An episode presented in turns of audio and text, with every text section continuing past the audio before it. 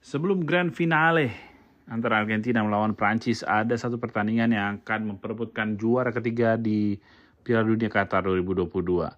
Ada Kroasia yang bertemu dengan Maroko yang masing-masing dikalahkan oleh Argentina dan juga Prancis di babak semifinal.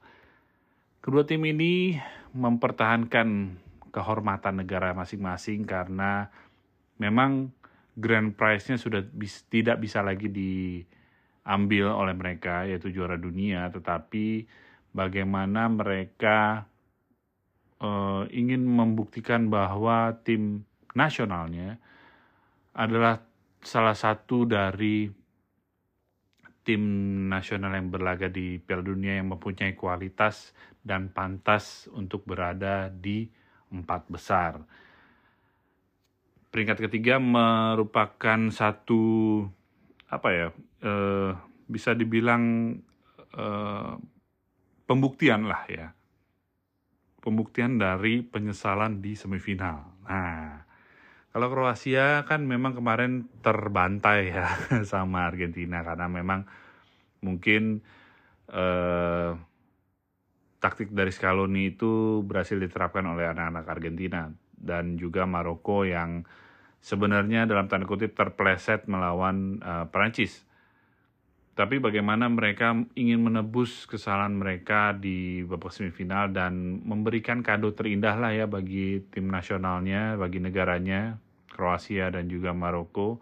Terutama Maroko ya, Maroko kan uh, pertama kali masuk semifinal dan juga mungkin aja tim Afrika pertama yang mendapatkan juara ketiga di Piala, Piala Dunia. Itu bisa aja terjadi kalau misalnya mereka bisa menaklukkan Kroasia yang um, kemarin di semifinal itu sebenarnya mereka kalah taktik. Kalau Maroko, kalau gue bilang kemarin mereka kalah fisik.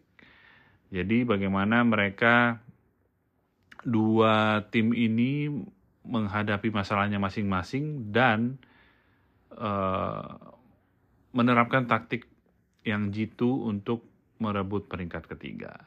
Dari Kroasia memang uh,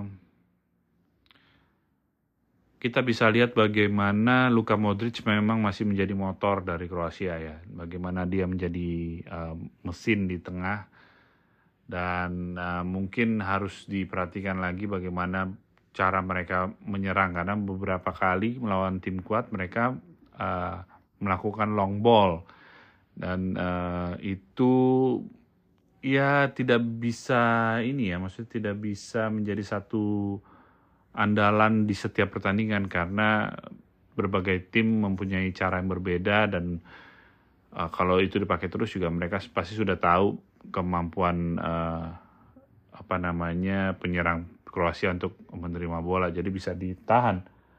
Lalu untuk Maroko sendiri bagaimana mereka uh, harus bermain tanpa mungkin ya mungkin tanpa Ziyech dan juga Roman Saiz bagaimana dua pemain ini menjadi satu jenderal di uh, timnya Roman Sainz di belakang dan Ziyech di tengah dan juga depan.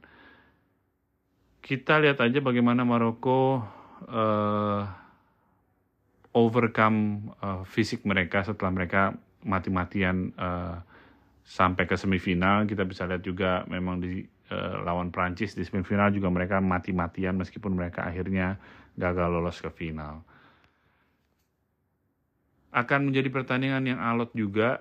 Uh, dua-duanya akan sama-sama ngotot meskipun akan ada beberapa rotasi udah pasti mungkin ya di eh, posisi kiper mungkin mungkin aja ya tapi nggak tahu kalau di Maroko Bono akan tergantikan apa enggak tapi di Kroasia mungkin aja Livakovic diistirahatkan karena ya eh, sebenarnya kan mereka dibawa ke Piala Dunia itu mempunyai uh, kualitas yang sama ya putra-putra terbaik di negaranya masing-masing. Jadi mungkin aja pelatih ingin memberikan kesempatan terakhir bagi mereka di Piala Dunia kali ini karena mungkin ini menjadi satu kebanggaan bagi mereka dan keluarga mereka di tanah air masing-masing.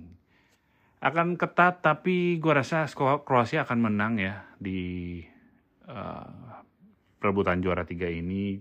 Jadi kita lihat aja pemanasan sebelum final uh, besok.